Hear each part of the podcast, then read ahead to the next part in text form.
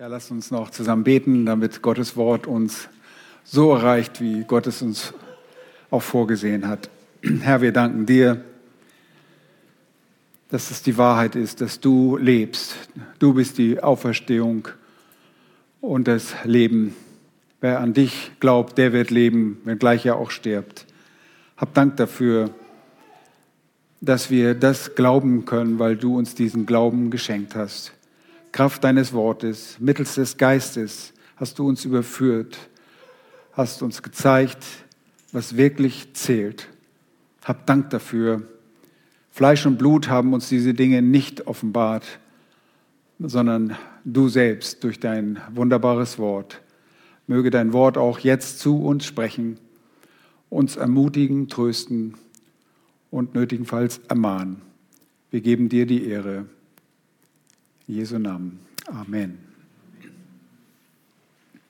Ja, wir, wir beschäftigen uns mit diesem wunderbaren Brief des Apostels und Timotheus und des Silas an die Thessalonicher, die dort während ihrer zweiten Missionsreise nach Mazedonien kamen und dort nach wenigen Monaten diese Ortschaft verlassen mussten, aber Frucht sehen und erleben durften. Das Evangelium hatte Frucht gewirkt. Gott hatte Gnade geschenkt zum Leben. Und eine kleine Gemeinde entstand.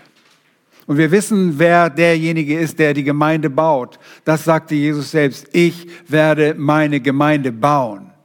Der Jesus Christus baut diese Gemeinde Kraft seines Wortes. Und wir sind dankbar dafür, dass wir diesen Brief haben, weil wir so viele Dinge daraus lernen können für unser Hier und Jetzt. Nun, es gab bei den Thessalonichern etwas, das sie offensichtlich traurig stimmte und sie auch beunruhigte. Sie, die gläubig gewordenen und wiedergeborenen Mazedonier, fanden sich jetzt nach ihrer Bekehrung und aufgrund ihrer neuen Glaubensüberzeugung in einer feindseligen Umgebung wieder. Zuvor gehörten sie selbst zu den Götzendienern, jetzt aber als Kinder Gottes war die Umgebung für sie Feindschaft.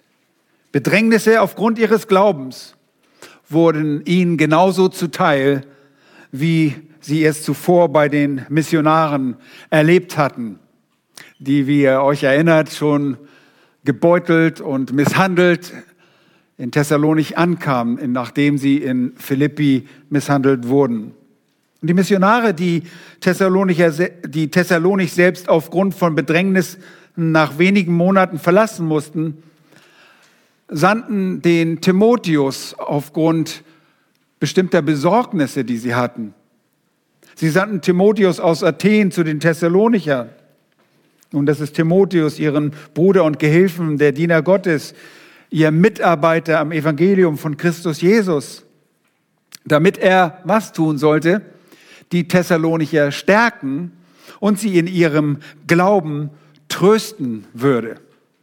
Das war der Grund der Sendung. Und die Missionare versuchten mit ihrer, dieser Stärkung durch Timotheus einem Wanken im Glauben der Thessalonicher vorzubeugen. Ihr könnt euch vorstellen, eine junge Gemeinde auf sich selbst gestellt, nicht ganz auf sich selbst gestellt natürlich, denn sie hatten auch das Wort Gottes gehört, aber sie machten sich Sorgen um diese Gemeinde. Und so versuchten sie Zweck, durch diese Sendung die Gemeinde vor einem Wanken im Glauben zu bewahren. Nun, durch diese Sendung erinnerten sie diese offenbar, dass Bedrängnisse, die die Thessalonicher erlebten, dass die Bedrängnisse dieser Art auch ihre Bestimmung waren. Das könnt ihr lesen. Das wurde ihnen deutlich gesagt, dass es Bedrängnisse geben wird. Und das wissen wir auch, dass wenn wir in einer gottlosen Welt auf einmal für Gottes Maßstäbe einstehen, dass wir Bedrängnisse erleben. Nun zur Freude der Missionare brachte Timotheus gute Nachricht zurück nach Korinth. Dort war in der Zwischenzeit Paulus und der Rest seiner Begleitung. Die Thessalonicher, so stellten sie fest, standen fest. Timotheus Rückkehr wurde zum Segen für die sich sorgenden Missionare. Die gute Nachricht von ihrem Glauben und ihrer Liebe brachten den Missionaren selbst Trost in ihren Bedrängnissen. Und diese Bedrängnisse waren auf all den Wegen des Apostel Paulus und seinen Begleitern immer wieder zu erleben. Das war Teil der Berufung des Apostel Paulus. Aber offenbar brachte Timotheus auch eine Nachricht mit, über die sich die Thessalonicher ernsthafte Gedanken machten. Es war ein Umstand, der die Thessalonicher sogar traurig stimmte. Nun, was war das? Lasst uns dazu unseren Predigtext lesen aus 1. Thessalonicher Kapitel 4, die Verse 13 bis 18. 1. Thessalonicher 13, 4, Vers 13 bis 18. Da heißt es, ich will, aber die besseren Manuskripte lesen, wir wollen euch aber, Brüder, nicht in Unwissenheit lassen über die Entschlafenen, damit ihr nicht traurig seid wie die anderen, die keine Hoffnung haben. Denn wenn wir glauben, dass Jesus gestorben und auferstanden ist, so wird Gott auch die Entschlafenen durch Jesus mit ihm führen. Denn das sagen wir euch in einem Wort des Herrn. Wir, die wir leben und bis zur Wiederkunft des Herrn übrig bleiben, werden den Entschlafenen nicht zuvorkommen. Denn der Herr selbst wird, wenn der Befehl ergeht und die Stimme des Erzengels und die Posaune erschallt, vom Himmel herabkommen und die Toten in Christus werden zuerst auferstehen. Danach werden wir, die wir leben und übrig bleiben, zusammen mit ihnen entrückt werden in Wolken zur Begegnung mit dem Herrn in die Luft. Und so werden wir bei dem Herrn sein alle Zeit. So tröstet einander mit, so tröstet nun einander mit diesen Worten. Soweit der Predigtext. Wir werden diesen Text in zwei Teile aufteilen, also am nächsten Sonntag noch einmal darüber hören, denn äh, dieser Text hat mit Advent zu tun. Wie, das sage ich euch gleich. Aus der zweiten Hälfte von Vers 13 wird deutlich, dass die Thessalonicher traurig waren und derselbe Vers zeigt uns auch den Grund dafür. Es gab eine bestimmte Unwissenheit. Und zwar eine Unwissenheit über die Entschlafenen. Ich erkläre gleich noch neu, genauer. In dem ganzen Abschnitt wird Ihnen Belehrung bezüglich dieser Unwissenheit zuteil. Und dafür setzen die Missionare einen Kontext und der umfasst mehrere Ereignisse. Die Überschrift zu diesem Abschnitt, die das gut zusammenfasst, ist auch mein Predigtthema vier unmittelbar bevorstehende Ereignisse, die dich als Christ schon jetzt trösten. Vier unmittelbar bevorstehende Ereignisse, die dich als Christ schon jetzt trösten. Meistens wird, sagen wir, das ist nur ein Ereignis. Und wir betonen eine Sache, nämlich was? Die Entrückung. Wir betonen die Entrückung. Aber Entrückung in was? Zu was? Aus welchem Grund? Von was?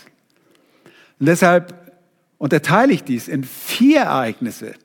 Ohne die übrigen drei Ereignisse ist Entrückung eine Entrückung in ein Vakuum. Nun auch wir wollen nicht in Traurigkeit verharren aufgrund unserer Unkenntnisse. Unwissenheit, ihr Lieben, ist häufig ein Grund für irriges Verhalten für Niedergeschlagenheit, für Verzweiflung, manchmal für Hochmut, Sünde jeder Art und für auch für ein untröstliches Gebaren, für ein untröstliches Verhalten. Die Thessalonicher sollten bezüglich der Entschlafenen nicht die Trauer der anderen erleben. Derjenigen, die draußen waren. Wer sind das? Die nicht zur Gemeinde gehören. Das sind die, die keine Hoffnung haben. Die anderen sind die, die draußen sind. Und wir brauchen nicht in dieser Unwissenheit verharren. Die Thessalonicher mussten nicht in dieser Unwissenheit verharren. Es ist offensichtlich, und das geht aus diesem Text hervor, auch wenn ich den Text beim ersten Teil nicht vollständig auslege, es geht deutlich heraus vor, dass dieser Teil von den Missionaren nicht gelehrt wurde. Es gab also Lücken und das war auch der Grund, warum Paulus und seine Leute gerne das Angesicht dieser Thessalonicher, dieser ihnen liebgewordenen Leute wiedersehen wollten, um diese Lücken zu füllen, diese Leerlücken. Gott entschied es anders und er sandte diesen wunderbaren Brief, sodass auch wir in Kenntnis gesetzt werden über die Entschlafenen in Christus. Nun, vielleicht kennst du schon diese Wahrheiten und weißt um die unmittelbar bevorstehenden Ereignisse in der Geschichte der Menschheit. Dennoch können wir sehr, sehr entmutigt sein, weil sich unsere Augen von Gott abgewandt haben. Kennt ihr sowas? Ich bin mir sicher, ihr kennt das. Wir sind trotz aller Kenntnis traurig, weil unsere Augen auf unsere Umstände gerichtet sind. Oder du kannst sogar verzweifelt sein, dann, wenn du das möchtest, richte deine Augen nur auf dich selbst dann bist du verzweifelt. Ich bin verzweifelt, wenn ich auf mich selber schaue. Deshalb wollen wir auf den Herrn schauen. Wir wollen heute bei dieser Predigt unsere Augen auf Gott richten, auf sein Wort. Sein Wort und seine Antworten für uns sind für uns immer maßgeblich. Nun, vielleicht beendet dieses Wort deine Unkenntnis, vielleicht erinnert es dich nur an deine Segnung. Wie auch immer es ist, das Wort Gottes soll uns beherrschen. Es soll uns nicht nur punktuell beherrschen, sondern wir wollen alles verstehen. Und dieses Wort soll in uns leben und das nicht nur an einem Sonntag. Hier nun sind vier unmittelbar bevorstehende Ereignisse, die dich als Christ heute und hier und jetzt trösten können. Achte darauf. Vier Ereignisse, die im Grunde ein großes, wie ich sagte, ein großes Ereignis beschreiben, das die übrigen der drei Ereignisse zur Folge hat. Es sind Ereignisse, die jederzeit stattfinden können, und zwar ohne dass irgendeine zusätzliche Verheißung oder Prophetie in Erfüllung gehen muss. Habt ihr sowas schon mal erlebt? Etwas, das jetzt stattfinden kann, ohne dass irgendetwas in Erfüllung gehen muss. Diese Ereignisse geschehen ohne ein vorausgehendes, ankündigendes Ereignis des Herrn. Keine weiteren Prophetien, keine weiteren Erfüllungen notwendig. So heißt es, der Richter steht vor der Tür in Jakobusbrief. Diese vier Ereignisse stehen als nächstes auf dem Zeitplan der Heilsgeschichte Gottes. Und das erste an Priorität, was oft nicht als erstes gesehen wird, sondern wie ich sagte, eigentlich wird Entrückung immer als thematisiert. Aber das erste Ereignis, was an größt, die größte Priorität einnimmt, löst alle anderen Folgeereignisse aus. Es ist die Ankunft. Punkt eins: Die Ankunft. Die Ankunft, die Parosie des Herrn. Sie wird geschehen. Und da sind wir, ihr Lieben, wo sind wir? Beim Advent. Ich musste doch irgendwie eine Verbindung schaffen zum Advent. Wir haben heute den dritten Advent und Borchmann predigt einfach im Thessalonicher Bild. Das ist ja unerhört. Nun, Advent, Latein heißt Ankunft. Hier wird aber das griechische Wort Parosia verwendet und bedeutet Gegenwart, Ankunft oder auch Wiederkunft, je nach Kontext. Bitte schaut euch Vers 15 an. Dort heißt es, Denn das sagen wir euch in einem Wort des Herrn. Und das bedeutet nichts anderes, als dass der Herr diesen Männern eine spezielle Offenbarung in Hinsicht dieses Ereignis gegeben hat. Er sagt, wir, die wir leben und bis zur Parosie, zu der Ankunft, in euren Bibel steht Wiederkunft des Herrn übrig bleiben, werden den Entschlafenen nicht zuvorkommen. Hier ist von der Ankunft die Rede, die Ankunft des Herrn Jesus. Hier geht es um die Gegenwart, das Erscheinen des Herrn Jesus. Der Herr Jesus wird erscheinen und er kann es jederzeit tun. Vers 16, denn der Herr selbst wird, wenn der Befehl ergeht und die Stimme des Erzengels und die Posaune Gottes erschallt, vom Himmel herabkommen. Und die Toten in Christus werden zuerst auferstehen. Nun, hier geht es nur um den einen Aspekt. Christus kommt. Seine Ankunft. Er wird vom Himmel herabkommen, heißt es hier in Vers 16.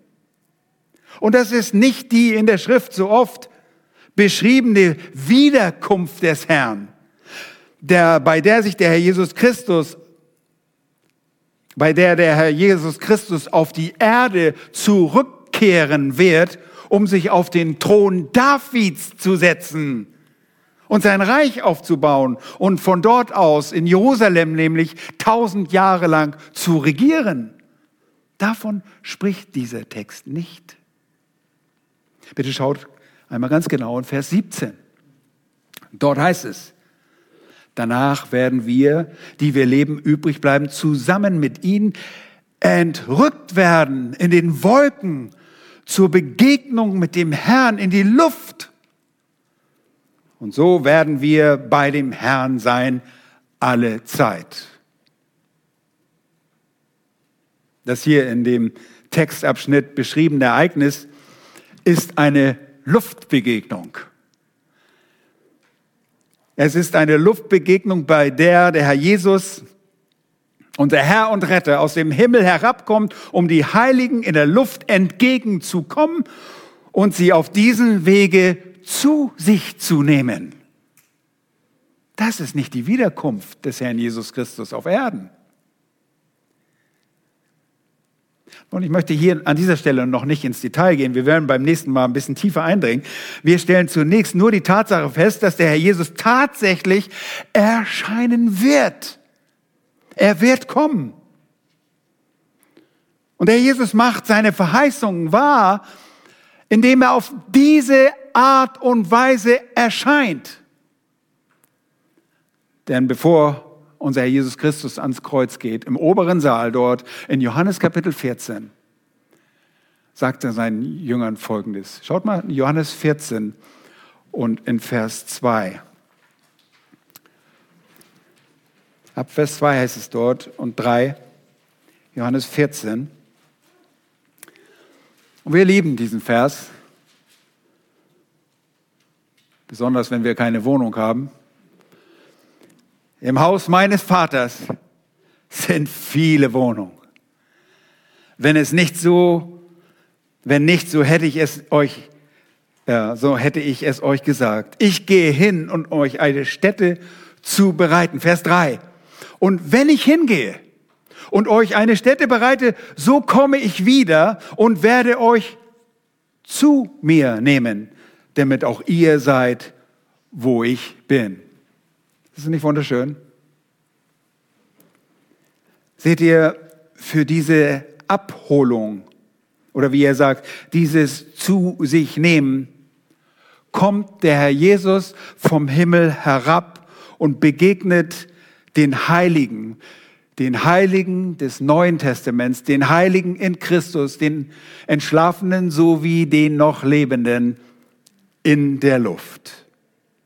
Der Herr kommt ganz gewiss. Und das ist eins und das zentrale Ereignis, das all die anderen Ereignisse eigentlich auslöst, beziehungsweise mit ihnen in Verbindung steht. Wir können sehen, warum man manchmal einfach nur von einem einzigen Erlebnis spricht. Aber hier sind viele Ereignisse damit verbunden, die alle gleichzeitig geschehen. Der Herr kommt, er wird erscheinen und er wird den Jüngern, allen Jüngern, das sind allen Gläubigen in Christus, erscheinen in der Luft. Und das ist etwas, was die Thessalonicher wussten, dass der Herr eines Tages wiederkommen sollte. Das ist nichts Neues. Oh ja, die Thessalonicher, von ihm wurde sogar Zeugnis davon gegeben, dass sie verstanden. Sie kehrten sich ab. Schaut einmal zurück in Kapitel 1. Da heißt es, ähm, dass ihr Zeugnis so bekannt war. In Mazedonien und Achaia, in Vers 8 heißt es dann, denn von euch ist das Wort des Herrn erklungen, nicht nur in Mazedonien und Achaia, sondern überall ist euer Glaube von Gott bekannt geworden, so dass wir es nicht nötig haben, davon zu reden. Denn sie selbst, das sind diese Menschen, die das gehört haben, erzählen von uns, also von den Missionaren, welchen Eingang wir bei euch, das ist bei den Thessalonichern, gefunden haben und wie ihr euch von den Götzen zu Gott bekehrt habt. Die Thessalonicher kamen aus dem Heidentum größtenteils und kehrten sich von den Götzen ab, zu Gott hin. Da heißt es, um dem lebendigen Gott und wahren Gott zu dienen. Und jetzt achtet einmal, und um auf seinen Sohn aus dem Himmel zu erwarten, den er aus den Toten auferweckt hat, Jesus, der uns errettet hat vor dem zukünftigen Zorn. Den Thessalonichern war sehr wohl bekannt, dass Jesus gestorben und auferweckt wurde und wieder in den Himmel zurückkehrte, wo er verherrlicht, wie wir auch vorhin gesungen haben, zu Rechten des Thrones ist. Von dort aus erwarteten sie ihn. Das ist etwas, was die Thessalonicher wussten, dass der Herr eines Tages wiederkommen sollte. Aber der Herr kommt für diesen Zweck bei dieser Erscheinung nicht auf die Erde. Er kommt nicht auf die Erde. Er holt die Heiligen des Neuen Testaments, die Toten in Christus und die noch Lebenden zu der Zeit. Und möge der Herr schenken, dass wir das sind, dass wir heute nicht mehr nach Hause fahren müssen, sondern zum Herrn kehren. Der Herr kommt für diesen Zweck und er setzt seinen Fuß nicht auf die Erde. Es ist eine Begegnung in der Luft, es ist nicht die Erfüllung der Verheißung durch die beiden Männer in Apostelgeschichte 1, Vers 11. Erinnert euch an die Jünger, sie stehen dort und sie schauen dem auffahrenden Herrn Jesus hinterher äh, und gen Himmel und dort stehen zwei junge Männer, zwei in weiß gekleidete Männer und sie sagen ihnen dort, dieser Jesus, der von euch weg in den Himmel aufgenommen worden ist, wird in derselben Weise wiederkommen, wie ihr ihn habt in den Himmel auffahren sehen. Nun, da nehmen, sie, nimmt, nehmen diese Männer Bezug auf die Wiederkunft, die auch die Jünger miterleben werden und wir auch, weil wir dabei sein werden. Aber Jesus wird genau auf diese Art und Weise wiederkommen, um wo zu erscheinen? Auf dem Ölberg, ganz genau. Jesus wird eines Tages genauso wiederkommen. Er wird auf dem Ölberg wiederkommen. Und das macht der Prophet Zachariah so deutlich in Kapitel 14, wenn er sagt dort in den Versen 4 und 5, und siehe, seine Füße werden an jenem Tag auf dem Ölberg stehen, der vor Jerusalem nach Osten zuliegt. Jetzt noch eine, gibt's noch eine Erklärung dazu, wo dieser Berg sich befindet. Und der Ölberg wird sich in der Mitte spalten. Nun spricht er von einem Ereignis, auf das wir zurücksehen können. Habt ihr davon gehört, dass der Ölberg gespalten ist? Nein, das ist er nicht. Das ist dieses zukünftige Ereignis, wo der Jesus Christus zurückkommt und bei seiner Wiederkunft auf dem Ölberg erscheinen wird. Er wird spalten nach Osten und nach Westen hin zu einem sehr großen Tal. Und die eine Hälfte des Berges wird nach Norden zurückweichen, die andere nach Süden. Da werdet ihr in das Tal meiner Berge fliehen. Dann denn das Tal zwischen den Bergen wird bis nach Azel reichen und ihr werdet fliehen, wie ihr geflohen seid vor dem Erdbeben in den Tagen Osias, des Königs von Juda. Dann wird Jahwe, mein Gott, kommen. Und jetzt spricht der Schreiber Jahwe selbst an und alle Heiligen mit dir. Das ist sehr häufig im Hebräischen, dass es so geschieht, dass der Schreiber Jahwe anspricht. Das beschreibt uns nicht das Ereignis aus 1. Thessalonicher Kapitel 4. Wir müssen diese beiden auseinanderhalten. Wir unterscheiden zwischen der Gegenwart und Ankunft Jesu in der Luft und der Wiederkunft Jesu auf Erden. Das sind unterschiedliche Ereignisse und letzteres ist nicht das Thema unseres Textes. Tatsache aber ist, der Herr wird kommen. Er wird erscheinen. Er wird aus dem Himmel herabkommen.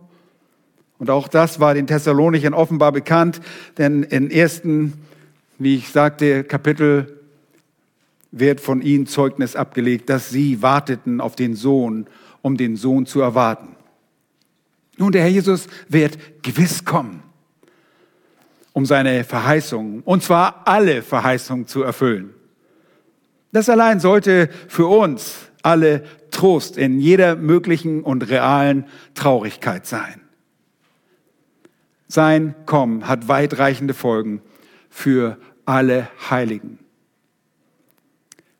Ihr Lieben, wir müssen zugeben, dass wir oft nicht damit rechnen, dass der Herr kommt.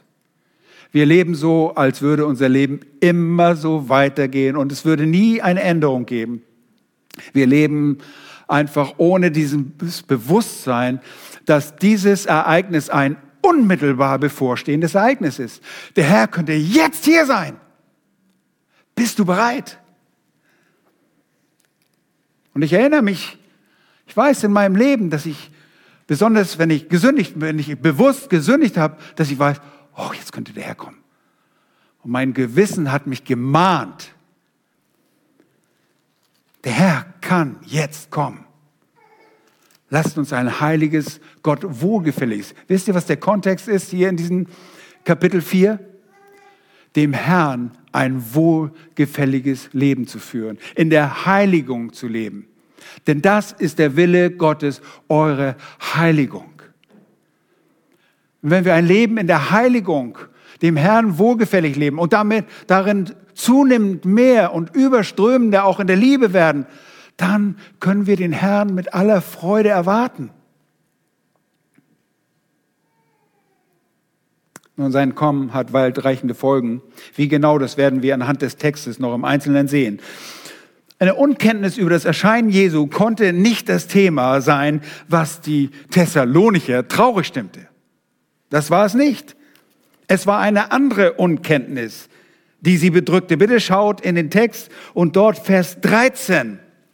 Gleich der erste Vers sagt, sagen die Brüder, ich habe hier die Schlachter mit Ich will und äh, Skripten, den unterschiedlichen ähm, Zeugnissen dieser griechischen Handschriften, sieht man, dass es da auch Leute gibt, die sagen, das ist Paulus, das ist Paulus. Ja, das ist Paulus und das sind seine Begleiter. Da ist Silas, der Prophet, der neutestamentliche Prophet, den er mit auf Reisen genommen hat, und sein Gehilfe, sein noch Gehilfen Timotheus. Wir wollen euch aber, Brüder, nicht in Unwissenheit lassen über die Entschlafenen, damit ihr nicht traurig seid, wie die anderen, die keine Hoffnung haben. Hier ist das eigentliche Thema.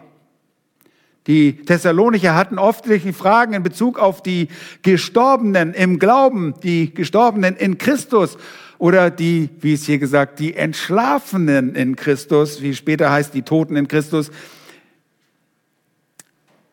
Geschlafen, Entschlafenen ein Euphemismus und betont gleichzeitig die temporäre Natur dieser Trennung des Leibes von der Seele. Nun, was passiert mit den verstorbenen Geschwistern, die seit ihrer Bekehrung wohl auf den Herrn warteten, aber weil dieser nicht kam, während sie noch lebten und dann starben, was ist? Was ist mit ihnen? Werden diese Verstorben, die Verstorbenen die herrliche Ankunft des Herrn verpassen? Das ist die große Frage. Du lächelst, weil du weißt, was die Antwort ist. Aber stell dir vor, älteres Ehepaar, Paulus war gerade zu Besuch, Timotheus war gerade wieder da und die reden alle, ja, der Herr kommt. Wir, wir werden wahrscheinlich noch leben. Wir sehen die Nahzeiterwartung dieser Missionare. Wir, die wir leben, sagen sie. Die haben eine Nahzeiterwartung. Sie glauben, dass vielleicht möglicherweise der Herr Jesus Christus zu ihren Lebzeiten kommt. Aber jetzt, Großmutter stirbt und Großvater bleibt allein zurück. Was ist, verpasst er diese wunderbare Ankunft, diese herrliche Ankunft unseres Herrn? Oder was auch aufkam, und das sehen wir im Verlauf zum zweiten Thessalonicher Briefes, bestand die Frage, haben wir vielleicht die Ankunft des Herrn schon verpasst? Sind wir vielleicht schon in der Zeit der Bedrängnis? Ihr müsst euch daran erinnern, die Thessalonicher sind, erleben wirklich harte, massive Bedrängnisse. Und das war der Grund, warum Timotheus gesandt wurde. Und diese Bedrängnisse nahmen offenbar zu. Und davon lesen wir dann auch im zweiten Thessalonicher Brief. Und wir, Sie denken vielleicht, haben wir den, die Ankunft des Herrn verpasst? Sind wir in der Trübsal, in der Drangsalzeit? Diese oder ähnliche Fragen müssen die Geschwister gequält haben. Diese Information hatte dann Timotheus als Botschafter an Paulus und seine begleitenden Brüder nach Korinth mitgebracht. Deshalb nahmen sich jetzt die Brüder die Zeit an dieser Stelle im Brief darauf Bezug zu nehmen. Folgt mir einmal. Die Brüder haben die Ankunft und die Gegenwart Jesu hervorgehoben. Er wird aus dem Himmel erscheinen. Aber jetzt stellt sich die Frage, wem wird er erscheinen? Nur denen, die da leben? Wie wird er den Verstorbenen erscheinen? Was ist mit ihnen? Und die Antwort darauf finden wir in dem zweiten zur Ankunft des Herrn zeitgleich stattfindenden Ereignis.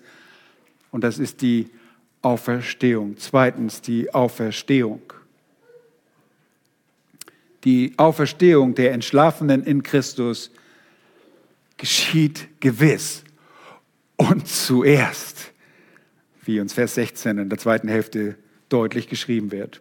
Wir lesen Vers 14, denn wir glauben, dass Jesus gestorben und auferstanden ist.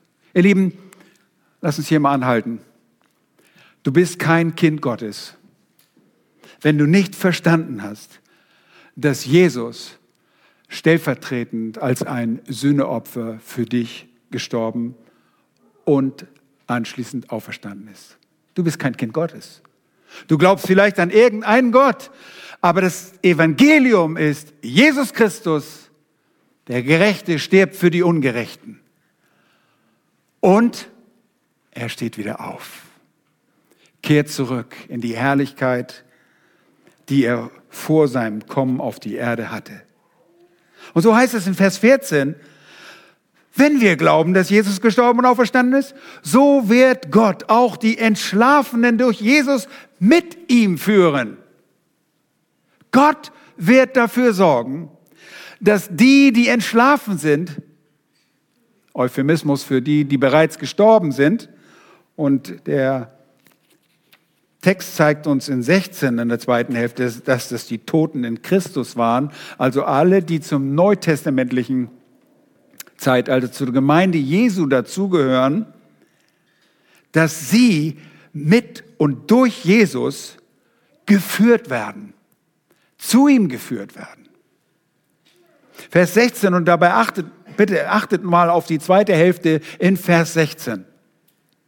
Denn der Herr selbst wird, heißt es dort in Vers 16, wenn der Befehl ergeht und die Stimme des Erzengels und die Posaune Gottes erschallt, vom Himmel herabkommen. Er wird herabkommen also und was löst es aus? Und die Toten in Christus werden zuerst auferstehen. Oho. Dies ist eine Auferstehung. Dies nennt man die erste Auferstehung. Wie alle Auferstehungen, die zum Leben führen, die erste Auferstehung ist eine Auferstehung zum Leben. Die Bibel redet nicht von einer zweiten Auferstehung oder von einer dritten Auferstehung. Sie redet nur von einem zweiten Tod. Und dort werden Leute auch auferstehen. Auferstehung zum Gericht, zur ewigen Schande. Auferstehung des Gerichts. Nun, hier wird die eigentliche Unkenntnis für die Thessalonicher behoben, an diesem Punkt. Unkenntnis wird zur Kenntnis. Oh, wenn Jesus also jetzt oder zu irgendeinem Zeitpunkt in den Wolken, wenn er herabkommen wird, um zu erscheinen im Himmel, in der Luft, dann werden die Toten in Christus auferstehen. Das bezieht sich nicht auf die alttestamentlichen Heiligen, sondern die Toten in Christus, die, die zu Christus gehören. Paulus spricht davon, und das werden wir beim nächsten Mal uns anschauen, 1. Korinther 15, dass es eine gewisse Ordnung gibt der Auferstehung. Zuerst Christus, dann die, die zu Christus gehören und dann der Schluss. Es gibt eine Ordnung dabei. Und wie wir vorhin gesagt haben, Gott ist ein Gott der Ordnung. Und er reglementiert Dinge. Wir lesen das schon im Alten Testament. Es gibt eine bestimmte Aufbruchordnung, äh, wie das Volk aufbrechen sollte, wenn es sich auf die Wanderung begab. Und so gibt es bestimmte Ordnungen und Abfolgen, zeitliche Abfolgen und logische Abfolgen im Wort Gottes. Und die Toten sind solche, die seit der Missionierung des Missionsteams in Thessalonicher, in Thessalonik gestorben waren. Stell dir vor, das Missionsteam reist weiter und sie sind belehrt worden, der Herr kommt wieder. Wir warten, der Herr kommt wieder. Und Paulus und seine, seine Leute verkündigten, der Herr kommt bald. Er ist bald da. Er wird kommen. Sein, seine Erscheinung ist nicht weit. Und jetzt stirbt jemand. Oh, Tante Martha ist tot. Was ist mit Tante Martha? Oh, ich wollte es so gerne mit ihr zusammen erleben, dem Herrn zu begegnen. Was ist nur mit ihm? Werden Sie das verpassen?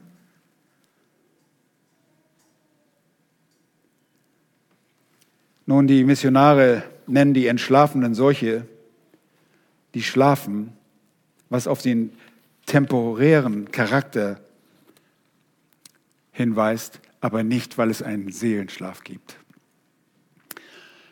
Es gibt Stellen im Alten Testament, Daniel Kapitel 12 als Beispiel, die vor allen Dingen Adventisten und auch Zeugen Jehovas dazu veranlassen, einen Seelen, an einen Seelenschlaf zu glauben. Das heißt, wenn du heute stirbst, wirst du schlafen, bis Jesus kommt. Und da man ja, diese Woche wurde ja auch am Montag mit einer Schlafspritze außer äh, Gefecht gesetzt. Ich habe extra auf die Uhr geguckt und war eine Stunde weg. Ich habe guckte aufs Uhr, oh, schon eine Stunde um. Die haben ja gar nichts mit mir gemacht. Doch, es war alles fertig. War alles, ich bin wieder okay. Und so denken Leute, oh, die Seele schläft einfach nur. Und wenn der Herr wiederkommt, kein Zeitgefühl. Aber das ist nicht, was die Schrift lehrt. Entschlafenen bezieht sich hier wie gesagt, zunächst einmal auf den Euphemismus, das Umschreiben, aber auf die temporäre Natur des Getrenntseins, dass wir Leiber bekommen werden. Hier geht es um Leiber. Wenn die Gräber sich öffnen werden, dann werden die Seelen vereinigt werden mit Auferstehungsleibern. Auch das werden wir erkennen im 1. Korinther Kapitel 15 beim nächsten Mal. Wir gehen nicht in einen Seelenschlaf. Und nur als kurze Erinnerung daran, Jesus hängt am Kreuz, ein Verbrecher ist an seiner Seite und er kommt im Laufe der Zeit, in der er am Kreuz hängt, zur Einsicht, dass er selbst auch ein Sünder ist. Und er wendet sich an Jesus und Jesus sagt, noch heute wirst du mit mir im Paradies sein. Paulus sagt im Galater, äh, Philipperbrief Kapitel 1, das ist der Lust ab, abzuscheiden, um beim Herrn zu sein. Paulus wollte nicht in einen 2000-jährigen Seelenschlaf gehen oder was weiß ich, wie lange. Er wollte beim Herrn sein. Und die Bibel lehrt, das überwältigende Zeugnis der, der Schrift ist, dass wenn jemand stirbt, dass er augenblicklich in die Gegenwart Gottes kommt. Das sehen wir sowohl mit den Alttestamentlern als auch mit den Neutestamentlern. Wir sehen beim, auf dem Berg der Verklärung Mose und Elia, die auf irgendeine Weise auch zu identifizieren waren. Aber unsere Leibe bekommen wir erst am Tag dieser Auferstehung.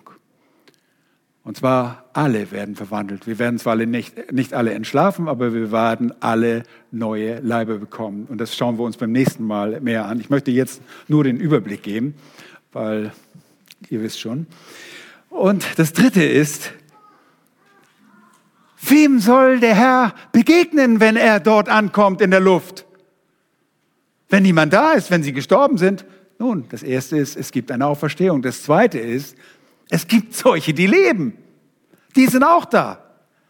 Aber sie kommen den Entschlafenen nicht zuvor. Das macht der Text außerordentlich deutlich.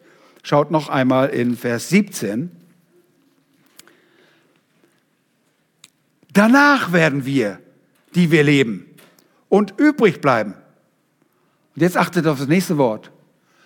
Zusammen mit ihnen, mit wen? mit denen, die auferstanden sind. Wir werden mit ihnen entgegengerückt, entrückt. Rapturo, daher kommt Rapture oder äh, die Entrückung.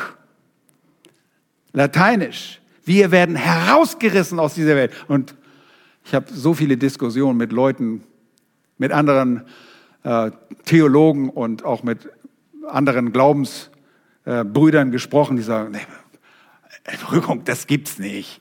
Das, das kann es gar nicht geben. Wisst ihr was? Der Herr hat uns sogar ein Beispiel dafür gegeben. Und zwar gleich zu Beginn der Menschheitsgeschichte, bevor die erste Katastrophe über die Welt kam, lesen wir von einem ganz besonderen Mann. Erinnert euch daran? Und ihr wisst ganz genau, Henoch. In 1. Mose Kapitel 5. Und er soll uns als Beispiel dienen. Denn so wie er wollen wir wandeln. Da heißt es in 1. Mose 5, Vers 24. Und Henoch, er wandelte mit Gott. Wisst ihr was? Alle, die mit Gott wandeln, werden entrückt. Alle. Und Gott gibt uns nur einen Vorgeschmack dort im Alten Testament, dass er ihn aus der Welt nimmt und sagt uns, das kann ich. Ihr müsst nicht ersterben, ich kann euch auch so aus der Welt holen. Was für ein wunderbarer Beweis. Der Schreiber des Hebräerbriefes greift das auf und er schreibt in Hebräer 11 und Vers 5, durch Glauben wurde Henoch entrückt, so dass er den Tod nicht sah und er wurde nicht mehr gefunden, weil Gott ihn entrückt hatte. Denn vor seiner Entrückung wurde ihm das Zeugnis gegeben, dass er Gott wohlgefallen hatte. Ihr Lieben, wir wollen unserem Gott wohlgefallen. Kapitel 4 fordert uns dazu auf, so zu leben, wie Gott es sagt, nach seinen Geboten, die er auf dringliche Art und Weise durch seine Missionare und seine Verkündiger an uns weitergibt. Wir wollen ihm wohlgefällig wandeln. Wir wollen in der Heiligung leben, denn das ist der Wille Gottes. Wenn ihr das tut, ich garantiere euch eins, wenn ihr zu dem Zeitpunkt des, der Ankunft des Herrn in der Luft noch lebt, werdet ihr entrückt. Ich weiß, meine Mutter, mein Vater, die haben immer davon geredet, wir werden und wir sterben nicht, wir sterben. So haben sie gelebt. So möchte ich leben. Bereit sein. Aber auch egal, ob wir sterben oder noch leben. Wir werden in jedem Fall entrückt. Ist euch das aufgefallen? Nicht nur die Lebenden werden entrückt, auch die Toten werden entrückt. Schaut mir nochmal in Vers 17. Da heißt es ganz deutlich, danach werden wir, die wir leben und übrig bleiben, zusammen mit ihnen entrückt werden, in Wolken, zur Begegnung mit dem Herrn. Also, als erstes die Ankunft des Herrn. Das zweite ist, die Toten in Christus werden ihre Leibe erhalten. Sie sind lebendig. Jesus sagt, ich bin die Auferstehung und das Leben. Äh, und das Leben. Zu Martha sagt er das, bevor er Lazarus erweckt. Er sagt, ich bin die Auferstehung und das Leben. Wer an mich glaubt, der wird leben, wenngleich er stirbt. Wir leben. Wer an den Sohn Gottes glaubt, der hat das Leben. Und du magst physisch deinen Leib abgeben, den können sie gerne haben, diesen alten äh, Körper. Ich kriege neue. Ich kriege einen neuen, einen Auferstehungsleib, einen unverweslichen Geistleib. Es wurde gesät in Verweslichkeit, aber es wird geerntet. Es geht hervor ein unverweslicher Leib. Und das ist das, was geschieht, wenn der Jesus in der Luft erscheinen wird. Wir, die wir leben, es ist erstaunlich, dass Paulus und seine Leute das zu diesem Zeitpunkt sagen, in einer Nahzeiterweiterung. Vielleicht haben sie auch nur ein Muster gesetzt für alle kommenden Verkündiger. Ich kann das heute sagen, wir, die wir leben, ich, der ich lebe, der ich vielleicht dann noch lebe. Wir werden denen nicht zuvorkommen. Wir werden zugleich mit ihnen dem Herrn entgegengebracht. In der Luft. Das ist das dritte Ereignis. Und jetzt das vierte. Es kommt in der Luft zu einer Begegnung. Zu einer Begegnung. Vers 17. Zur Begegnung mit dem Herrn. Die Begegnung mit dem Herrn führt zu einer dauerhaften Vereinigung. Erinnert ihr euch, als ich Johannes vorgelesen habe, was Jesus gesagt hat zu seinen Jüngern? Ich lese es noch einmal, Johannes 14.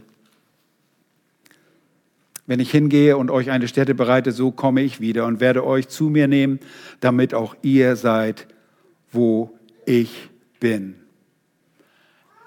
Und so werden wir bei dem Herrn sein, alle Zeit, sagt Paulus hier in Vers 17. So werden wir bei dem Herrn sein, alle Zeit. Es ist eine dauerhafte Verbindung, Vereinigung mit unserem Herrn.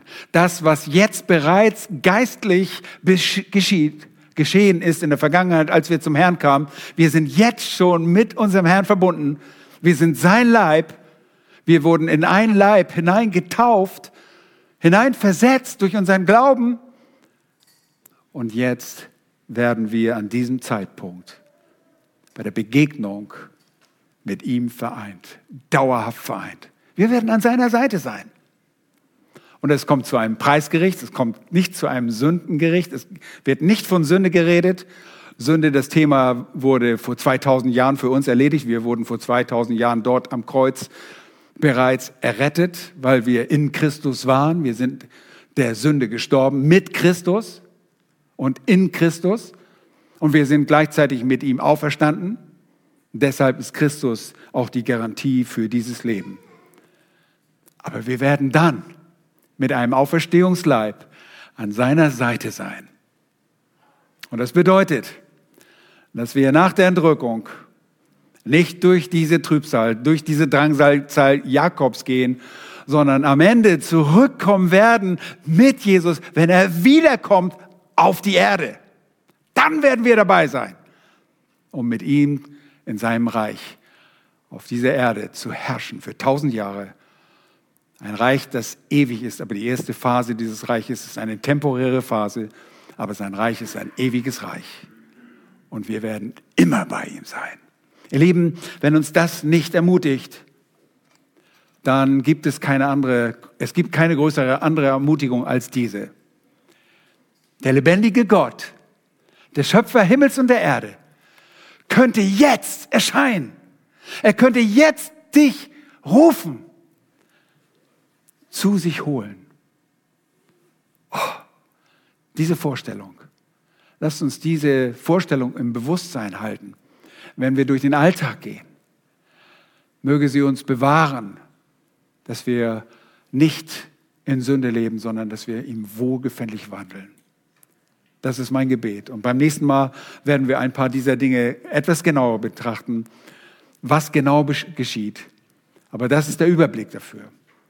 Möge der Herr schenken, dass ihr dadurch ermutigt werdet, wie einst die Thessalonicher, als sie diese Nachricht erhielten. Lasst uns zusammen beten. Herr, wir preisen dich von ganzem Herzen, dass du kommen wirst für deine Braut, für deine Gemeinde, dass du sie zu dir selbst nehmen wirst. Du wirst sie holen, sei es mittels Auferstehung, weil wir bereits entschlafen sind, weil unsere Leiber entschlafen sind, weil wir in den Gräbern sind, aber mit unseren Seelen bei dir. Herr, oder ob wir leben. Wir werden zu dir kommen. Wir werden entrückt, zusammen mit allen, die bereits in dir gestorben sind. Herr, danke dafür, dass wir dir begegnen werden, dass es eine Begegnung mit dir in der Luft geben wird und dass es diese Begegnung zu einer dauerhaften physischen beziehungsweise geistleiblichen Verbindung kommt mit dir und dass wir niemals mehr von deiner Seite weichen müssen. Du, unser Herr, hast es gesagt und du wirst es auch tun. Wir lieben dich dafür. In Jesu Namen. Amen.